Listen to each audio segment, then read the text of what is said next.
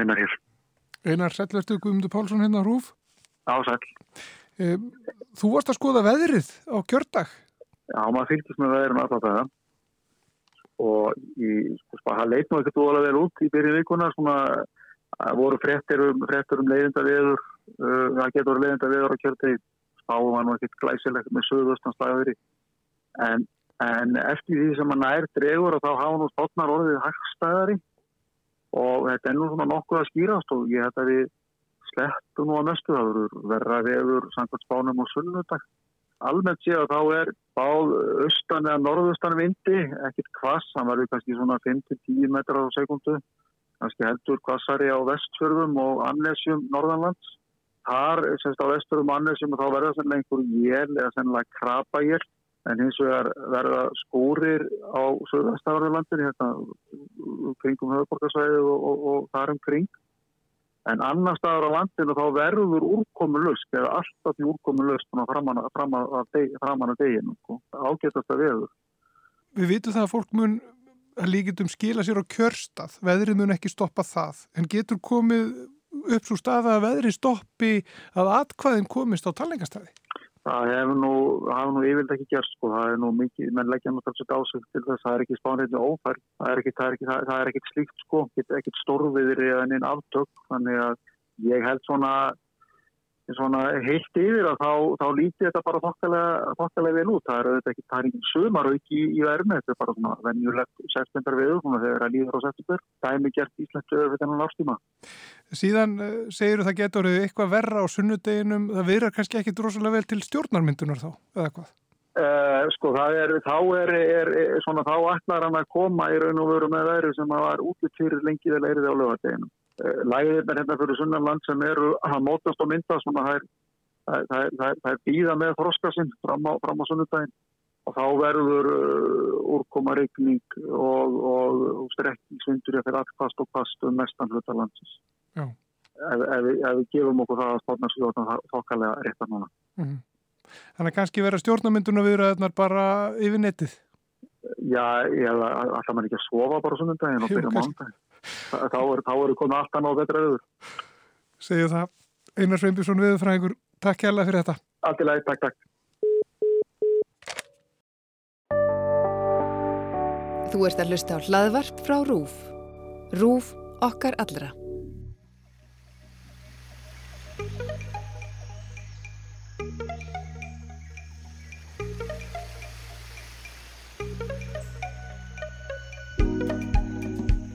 Þetta er X21 kostningahlaðar brúf þegar tveir dagar eru til kostninga og spennan er að ná hámarki. Ég heiti Guðmundur Pálsson.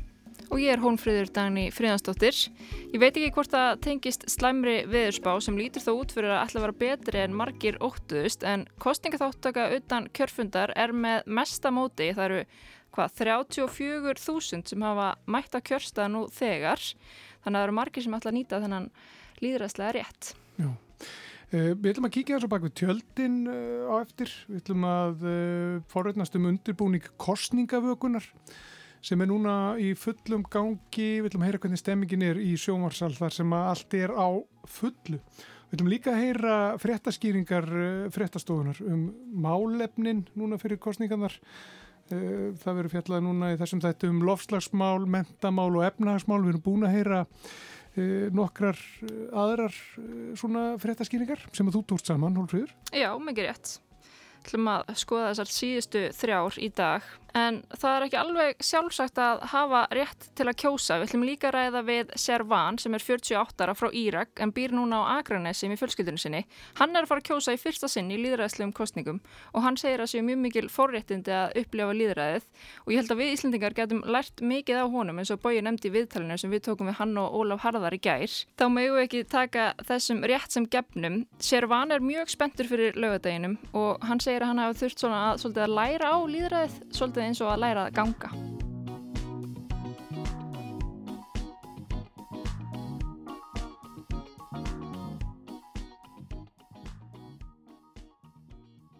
My name is Sirwan Shawki.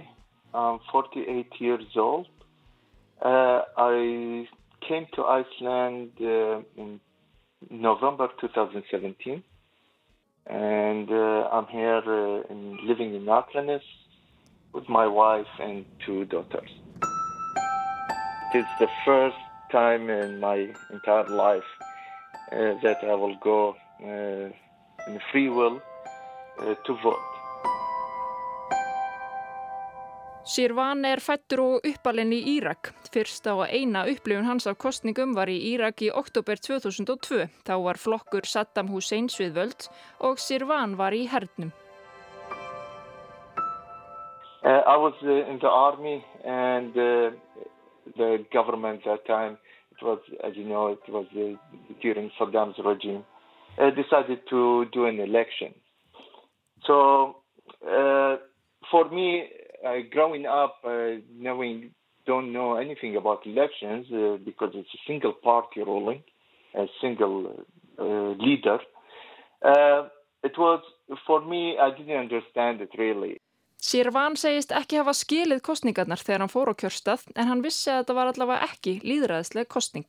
When the day came, uh, we were uh, lined up. Uh, we were in the, I still remember, we were in the barracks. Uh, we've been giving in the morning, they gave us uh, new, uniforms to wear. Uh, so everyone was going inside the tent. I went inside the tent. It was an officer standing. There were two boxes, actually. One box with the Saddam's picture on it, and the other box, it was some individual picture on it we we didn't know who's that individual. Anyway, so it was a, a high rank officer standing there. It was a military police officer standing there, and it was an internal uh, military police uh, security standing there. And the officer, he just looked at me and he had a piece of paper in his hand and he said, Saddam, or he was pointing to the box of where Saddam's picture on, or the other individual. So of course, I mean, I, I didn't even answer. He just dropped it into Saddam's box. I said, okay, now you can dismiss. So for me, that was, when I went out, it said, that was weird, but I understood it. I mean, no one dared in that time to say anything else. And funny enough, that the results came 100%.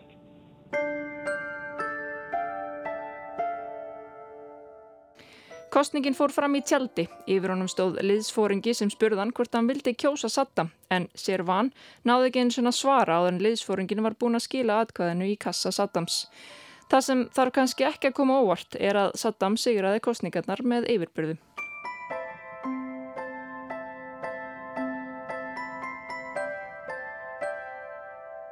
I mean, I knew it's not the right way to do it. And uh, that's why uh, I was since I left the country, and uh, of course when I end up here and I uh, and I was uh, experienced what the people here in Iceland doing, and it's it's really I can say I, I felt a democracy uh, here. People going to the streets, taking to the streets when they are not happy with the government. Uh, there is the free will elections. So when I got the chance when I become a citizen, I, I was looking forward to take to do that, to execute this free will. It's I, and I believe it's a privilege. And the only thing that people will feel it if they if they I mean because coming from a country we didn't have it, we didn't understand it. Uh, I think it, it makes a big difference for me uh, to participate and is something like that. And for me, it will be a celebration day, really.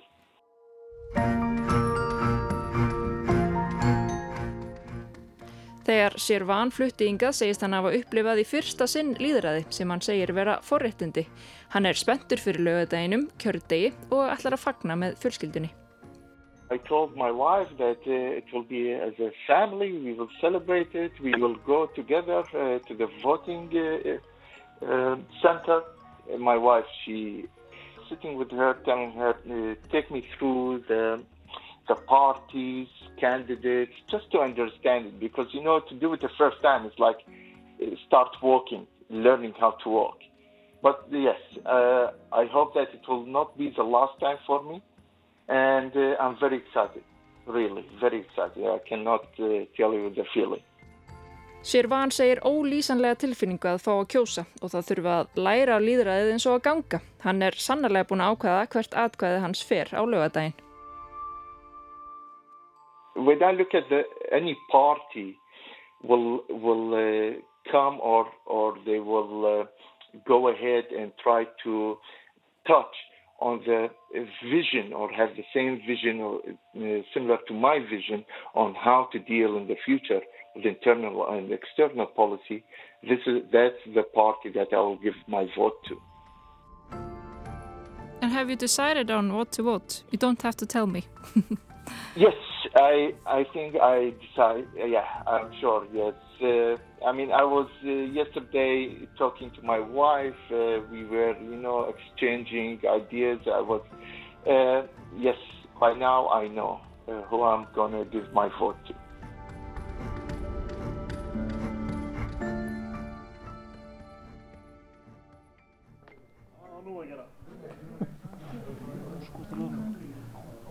Hver ræður hér? Hvað sér þau? Hver ræður? Það var að spyrja maður, hér líkir ekki svona stjórnleysi. Hinna, eitthvað leiti.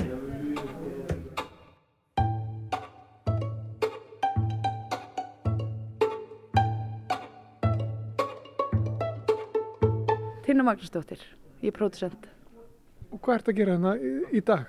Við erum að setja upp uh, kostningavöku sjónarsins hér í stúdíóa. Uh, ég er pródusentinn, ég er bara í raun og veru held utanum allt heila batterið. Um, skipuleg það sem við gerum hér í stúdíónu og hvernig við setjum það upp og alla beinu innkomarnar okkar Hvað er að versta sem getur gerst? að grafíkinn kliki. Kostningasjónvarpið er ekki neitt annað en grafíkinn. Allt hitt, umsjónamenn, gestir og öllum gerðir er náttúrulega bara skrauti kringum úrslitin. Ég heiti Sigrid Dögguðinsdóttir, ég er rittstjóri kostningasvökunar á RÚF. Nú erum við að bara máta allt hérna inn í setti í stóra stúdíónu og gera allt tilbúið fyrir stóra daginn og lögadaginn. Það er mörg handtök og nú eru hérna Bói og Ólafur að, að fara yfir grafíkina og, og heiðarörn uh, líka. Þannig að við erum svona, svona færa til, húsgögn færa til, uh, háborðið, mátaginn, svona bakgrunnin og svona hugsa þetta allt út hvernig þetta á að vera, alltaf að vera að teipa hérna alls konar merk í gólfi þannig að við, við vitum hvernig við hefum að ræða öll inn á lögadaginn að því að svo þarf að skipta öll út hérna á morgun þegar að uh, formenninni koma allir í, í loka yfirhersluna þannig að uh, það er allt inn út, inn út hérna í þessu stóra stúdíu Er eitthvað reynsli? Já, við förum í reynsli á, uh, við erum búin að vera núna á æfingum á hverjum degi alla vikuna bara slípa til grafíkina og hvernig við svona kynnum hana og hvernig við skiptum yfir að háborðið og svo aftur til boga og yfir að háborðið. Þetta er, þarf að slípast allt mjög vel til. Svo er reynsli á morgun og aftur á lögadaginn þannig að þetta er bara, þetta er bara sjó eins og mann segja.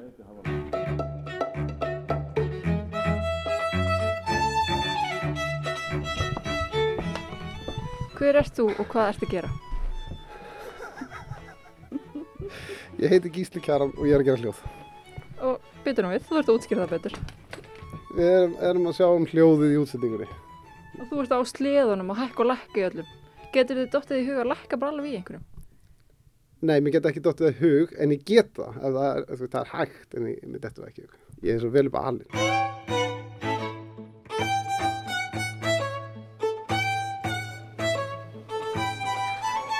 Það býtum nú við.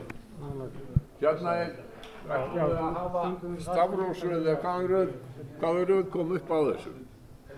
Á andlitunum. Því að þarna, mér syndist það vera bara alveg sko random. Og það er hérna, ok, þannig að við fáum það í annarkvort, annarkvort hérna, allraða fjöldi á bakvið eða bara.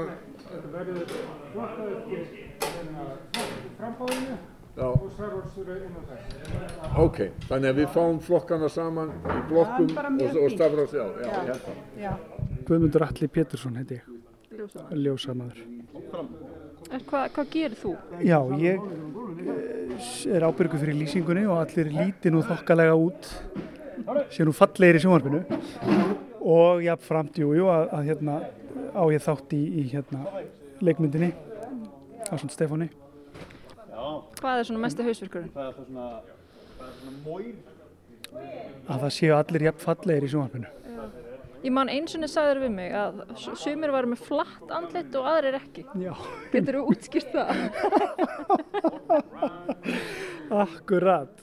Um, já, já, ég meina, ég, varðandi lýsinguna þá verður maður að taka tillit til þess hvernig andlitsfallið er á fólki og hérna, það er bara þannig að sumir eru með flatt andlit og aðrir eru með kannski opbáslega langt nef til dæmis og það getur skapað skugga sem eru ekkert endilega fallegir.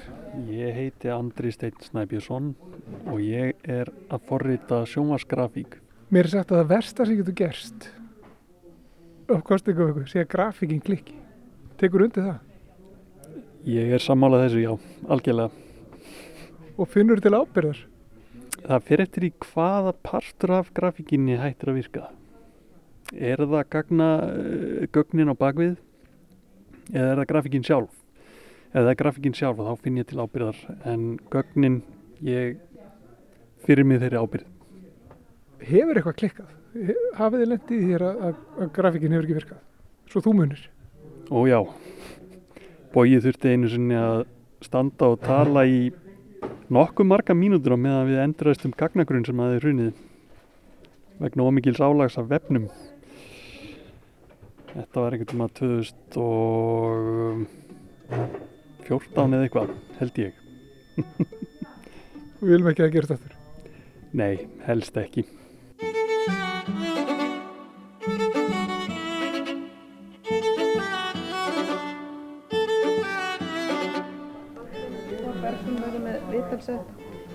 Kjærvalstofu og það er alltaf að vera með já, það er alltaf að vera með sko eitt viðtalsett svo annað viðtalsett hérna í húsi. Þannig að það er svona skýrist svona setni í dag svona cirka hvar við ætlum að ræða hverjum. Þannig að ég verði að láta þið vita uh, setni partin með það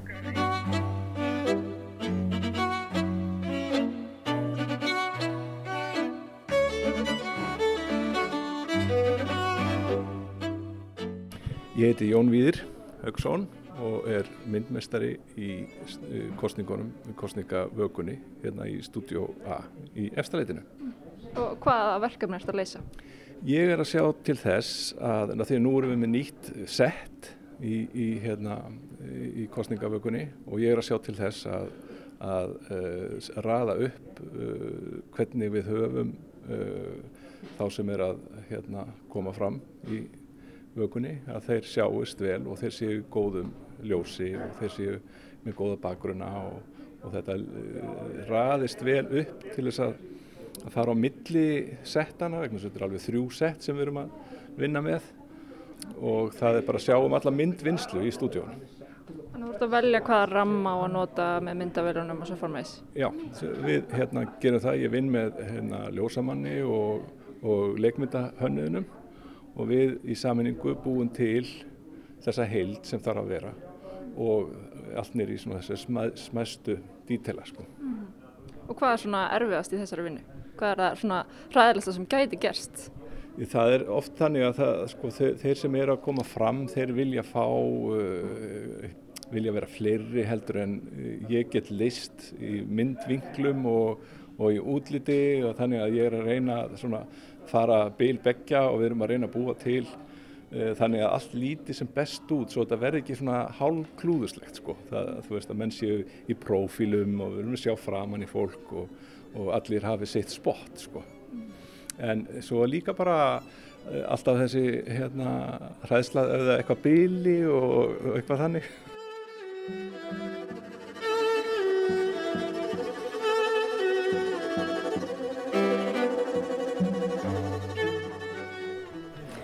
Jóhanna Víti Sjálfardóttir, fréttamaður á fréttastofu Ríkisútarsins.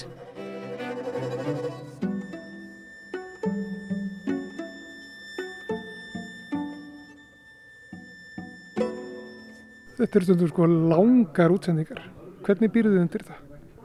Kvíla sig vel og vera vel sofin. Það er ekki nóg að sofa bara nóg nóttin áður. Við heldum að það svona hugsa fyrir því nokkra daga og kannski svona er maður nú þetta með þetta bak við eirað því við erum að stúsast í þessu í eitt og mánuði fyrir kostningarnar. Þannig að hérna, og borða vel og drekka vel og svona hugsa vel um sig. Þetta hefur oft staðið lengi og sérstaklega kannski ef að það hefur verið eitthvað verið að færð og það gengur illa að koma atkvæðum í hús. Í maninu sinni fyrir mörgum árum þá var ég hér í kostningavökunni með Þórhalli Gunnarsinni sem nú er á stöðtöð og við vorum held ég til nýjuða tíu morgunin og þá byrjaði að búið að setja batnaefnið á og svo komum við svona inn á milli hérna mjög leiðil til krakkana sem voru á batnaefnið við komum svona inn á milli með nýjar tölur. En þetta er gaman fyrir þá sem fylgjast með og þetta var auðvitað á þeim tíma þar sem neti var ekki jafn virt nú er auðvitað allt sett um leið og vefinnum leið og það berst í hús Hvað er það svona síðasta sem að fyrir gegnum hugan hjá þér? Þegar sko tónlistin fyrir gang, hvað fyrir gegnum hugan þér? Það sem fyrir gegnum hugan er það, í fyrsta lagi við ætlum að standa okkur, í öðru lagi við ætlum að hafa þetta skemmtilegt og í þriða lagi áhörfundur ætlar að hafa stilt á okkur vegna þess að það eru upplýsingarnar og það erum við að streyma öllu því sem gerist þetta kvöld og þessa nótt.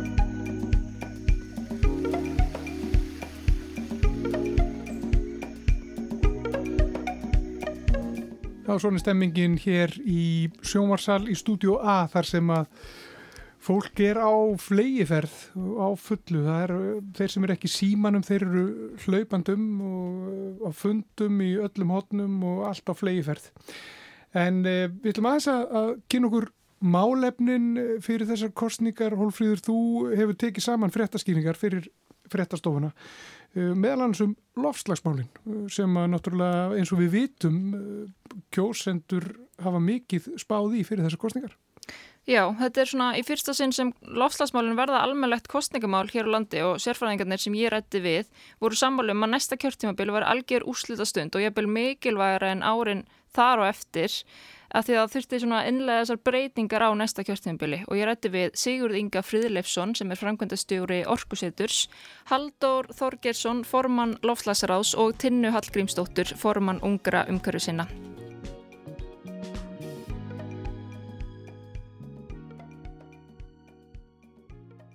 Ungmenni hafa sapnast saman á föstu dögum til að krefjast aðgerða í lofslagsmálum og það fer ekki á milli mála hvað skiptir þau máli í komandi kostningum. Umhverfismál. Það sé bara skýr stefna í umhverfismálum. Loftslagsmál. Umhverfismál. Loftslagsmál. Ungt fólk er kvíðið um, um hvað, mun, hvað framtíminn byrju skauti sér ef það er ekki greipið til nógu rótrakar aðgerða. Meiri ákveðinu og festa í þessum málaflokki. Ég held að það sé að fara að drepa mannkynni hraðast. Það sem við á Íslandi erum full færum að standa okkur betur sérstaklega með jæðvarma og svo leiðis að þá mætti setja mér að pústi í þetta. Úrkomu ákjöfð er orð sem við heyrum oftar og segðfyrðingar upplifiðu í desember síðastlinum. Hitamet var sleið og hallumstaði sumar og fyrir nokkrum árum var fyrsti jökullin kvattur.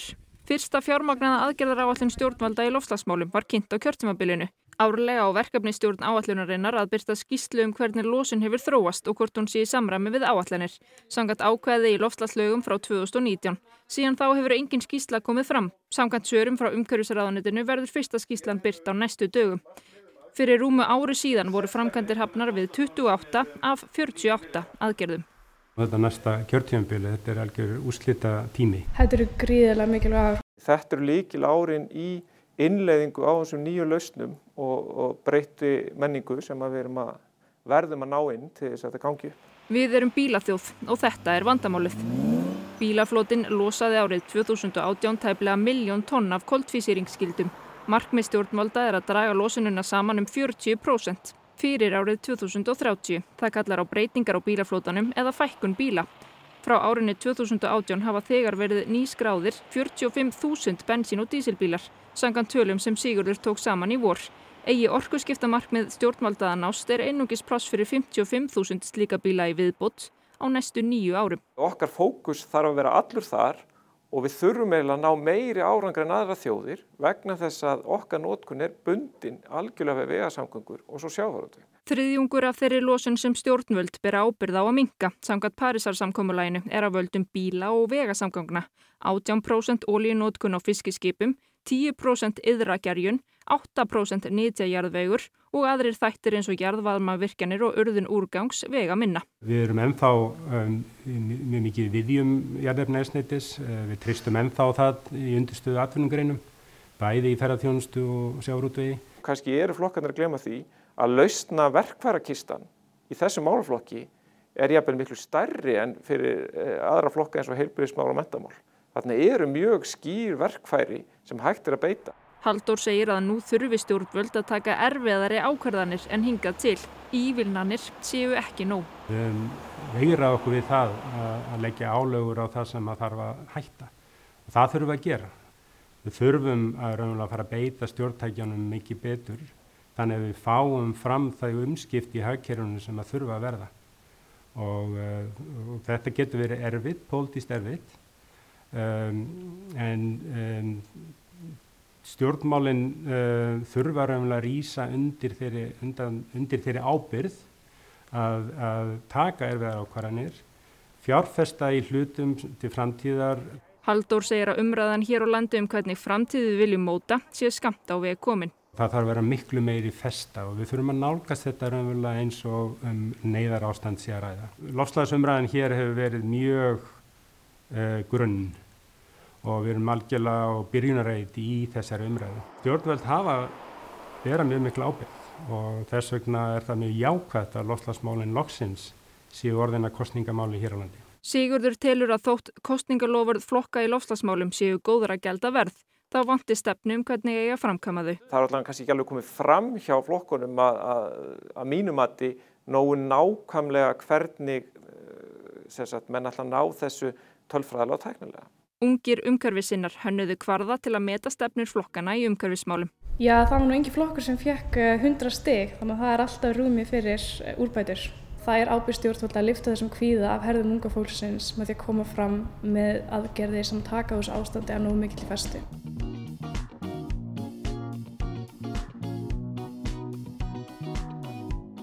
Þetta voru lofslagsmálin en mentamál eru líka ofurlega í hugum margra fyrir þessar kostningar. Það styttist í næstu písakönnun og íslensk ungviði komu ekki vel úr þeirri síðustu.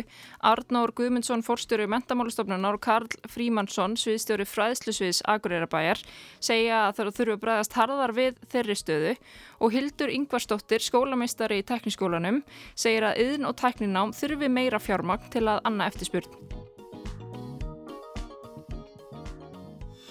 Auðnám það hérna, heitla mér svolítið og, og ég sótti um og semst, komst ekki inn. Lára Katrín er ekki svo eina í þessum sporum. Um 700 var vísað frá tekniskólanum í haust. Lára er 25 ára og með stúdentspróf en grunnskólanemar hafa forgang. Samiðn, samband yðnfélaga, hefur gaggrinda með því sem búið að útilokað miklu leiti þau sem eru orðin 18 ára og eldri frá yðnámi. Ég er svona vældi mig inn en það er svolítið leðilegt að það komist ekki fleiri að í einu. Umsóknir um starfsnám þar með talið yðnám á vorun 2021 var um helmingur af hildarfjölda umsókna í framhaldsskóla og var fymta hverjum sinnið um skólavist sangant gögnum frá mentamálustofnun. Við hefum bara, þessi kerfi þurft að vera tilbúnari. Það er búið að vera hvetja til innáms í mjög mörg ár og auðvitað gegnum marga ríkistjórnir og til þess að geta tekið á mótið þeim nefndum sem vilja koma í dag og helst miklu fleirum. Þannig að þarf ekki fjármagn, það segir sér sjálft. Tækniskólinn er núna starraktur í nýju byggingum viðsvegar um höfuborgarsvæðið. Stjórnvöld og Hafnarfjörðabær undirrituði í júli vilja yfirlýsingu um nýtt framtíðarhúsnaði fyrir skólan hér við Suðurhöfnina í Hafnarfjörði. Í stjórnarsáttmála ríkistjórnarinnar er ákveðum að ebla yðin og starfsnám. Nefnendur í verk og starfsnámi hefur fjölgað um 850 manns eða 17% frá í fyrra. Á sama tíma hafa fjárvettingar til málaflokksins aukist um 20% samkvæmt tölum frá mentamálaráðanetinu. Þá gaf ráð þeirra út reglugerðum vinnustæðanám sem skólinn hefur umsjón með. Hildur segir að stjórnvöld þurfa að setja skýr markmið næstu 5-10 árin. Þýtt að það þurfti kannski að breyta einhverjum skólum. Við erum óbúslega marga skóla sem er bara með bóknám. Um, það geti þýtt kannski væri skýrsalega saman einhverja skóla, ég veit það ekki. En allavega það þarf bara að horfa allt í krítist á þetta og horfa hvert viljum við fara og hvað þurfum að gera til þess að komast þangað. Ég hef búin að prófa MH, ég hef búin að prófa Borgó. Svo bara, þú veist, náði ég ekki að haldast í því og klára það því ég var alltaf á einhverju svona bókleri braut. Við erum með óinu hátt brottfall úr framhaldsskóla hér á Íslandi, svona ef við berum saman við Norðurlöndin og þar eru strákar í miklu meiri hluta. Hlutfall kynjana í háskólum er eh, orðið þannig að það er sumstaðar 70% hvenna í háskólum, 30% kalla. Þannig að það eru ymsir sem að tengja, tengja bara bóknám og getu til bóknáms ná, beint við það. Og vísar Karli niðurstöðu PISA-könnunarinnar frá 2018 þegar þriðjungur íslenskra drengja taldist ekki hafa grunnfærni í leskilningi. Karl segir að rannsóknir bendi til að þetta geti breyst til batnaðar þegar fram í sækir. PISA er alþjóðleg langtíma rannsókn á hæfni og getu 15 ára barna í lestri, náttúrufræði og starffræði. Ég held að þurfa að stíga miklu fasta til jarðar ef við náttúrulega bæta stöðu okkar í, í PISA. Alvarleiki stöðunar er öllum ljós. PISA sýnir ákveðna tilhengar varðandi faksandi muna millir landsbyður og höfubóksvæðis. Við þurfum líka að hafa betur upplýsingar um hver í staðan til dæmis á, á landsbyðinni. Eru nefndu þar að fá þá þjónustu sem þeir eiga að fá. Sveitafjörður leggja sér fram en ríkið er líka svolítið að draga lappirnar og hefur mínum að þetta ekki sínt sinni skildu að hlúa þau verkefni sem því ber. Það er ríkið á að sjá um náms og gæðamatt, fylgja því eftir. Það á að þarna, sjá grunnskólu fyrir námsgögnum og byggjum þessa grunn innviði. Karl og Arnór eru sammálu um að það vanti matskerfi þar sem könnuð er fjölbreyttari hæfni nefnda enn í samrænduprófunum. Þannig að kennara geti haft bara áræðilegri gögn í höndum til að bregðast við.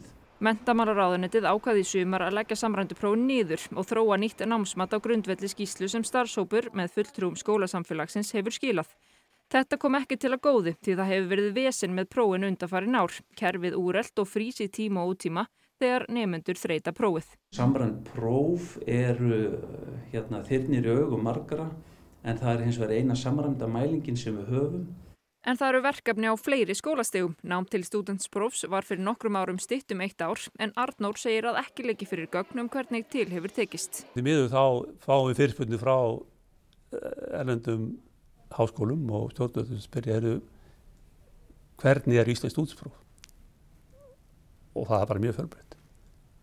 Og uh, við þurfum að hafa einhver tæki til þess að segja, heyrðu, við erum að fylgjast með, við erum að passa upp á að að, að námið sé að réttu gæðum og nefnundur hafi þá hefni sem þarf til að komast inn í góða háskóla.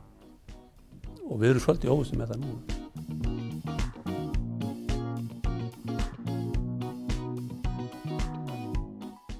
Og svo er það sjálfsögðu efnahagsmálinn, við vitum ekki hvernig fer með þau eftir þennan faraldur og Gilvi Sóga, hagfræðaprofessor við Háskólu Ísland segir að sé óvíst hvernig ferðavilji fólks verður eftir hann.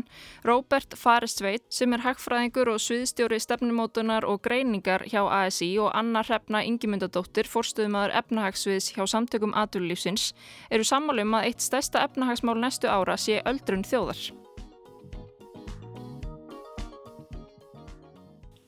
Fyrir utan hrunið er samdrátturinn í efnagslífinu af völdum kórnaverukreppunar sá mesti á líðveldist tímum eða 6,5% á síðasta ári sagant bráðbæratölum frá hagstofunni í samanbyrði við 7,7% samdrátt árið 2009.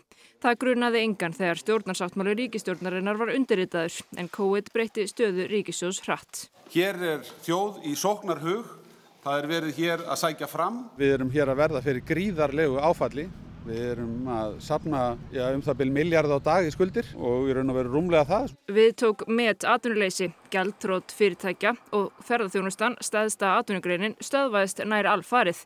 Ríkistjórnin kynnti hvern aðgerðapakkan á fætur öðrum til að veita viðspurni.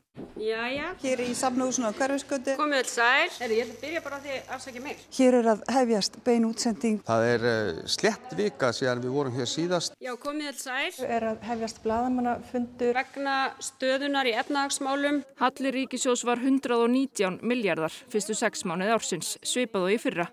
Trátt fyrir það benda nýjustu útreikningar til að ákoma ríkisjós sé tæplega 30 miljardum betri en áallad var.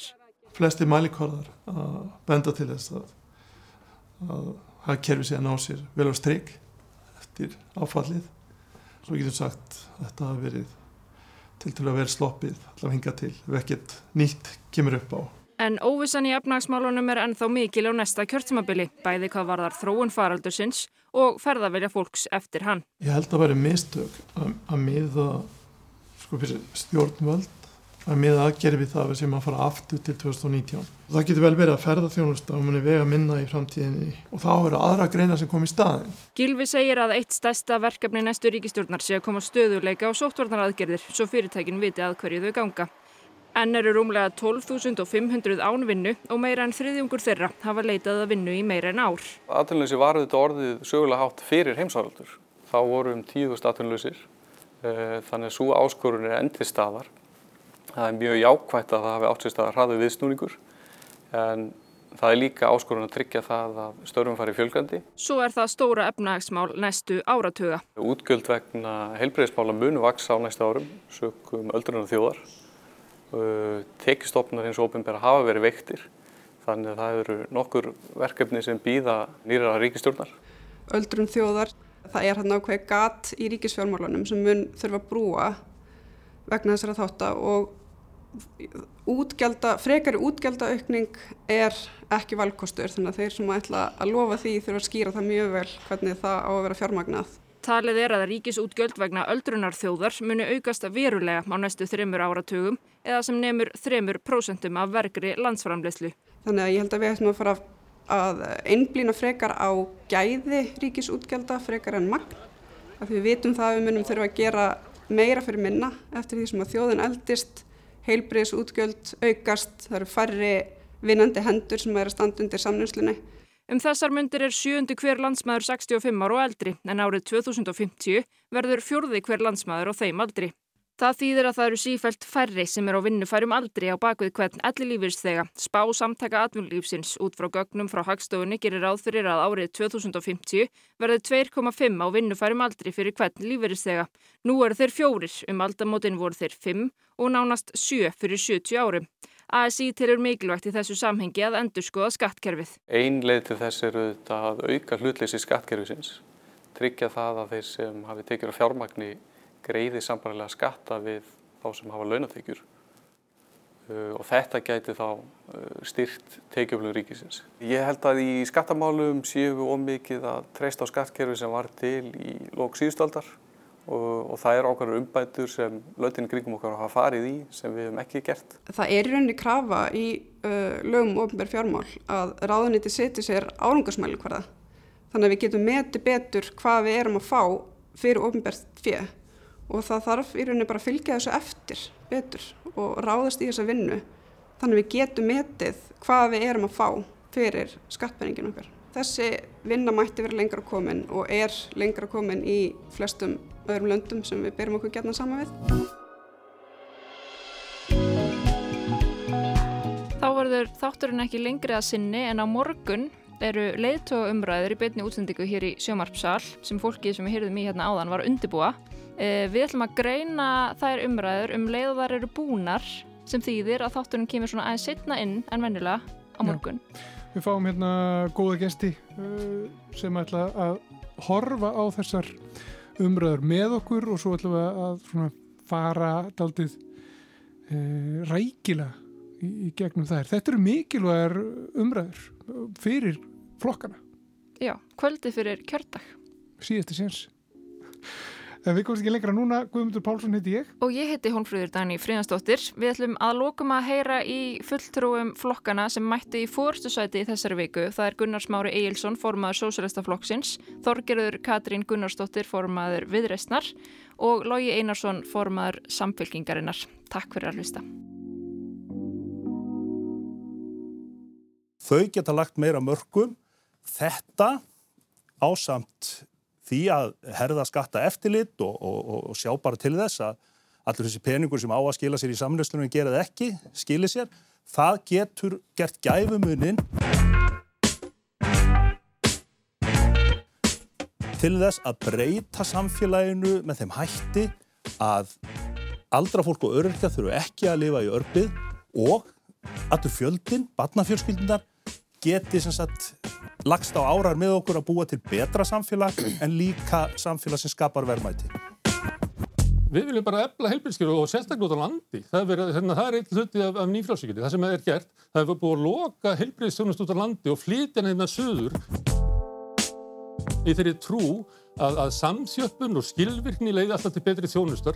Þannig að núna þá þarf fólkið að koma til stopnarnan til að fá þjónustu í nýfrálsíkjunni. Við viljum fara með þetta út til landsins.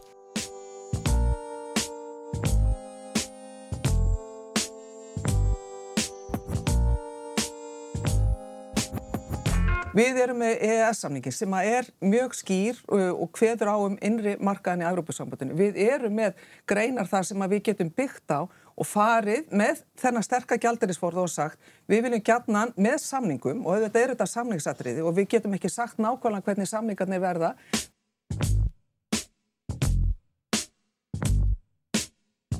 Við þurfum að tala um það á hvaða gengi við munum þá festa krónuna við, við efru. Það er því stort samningsatriði en þetta er möguleiki og tækifarin og sviðrúmið er til staðar innan EES-samningsins og við höfum að láta á það reyna.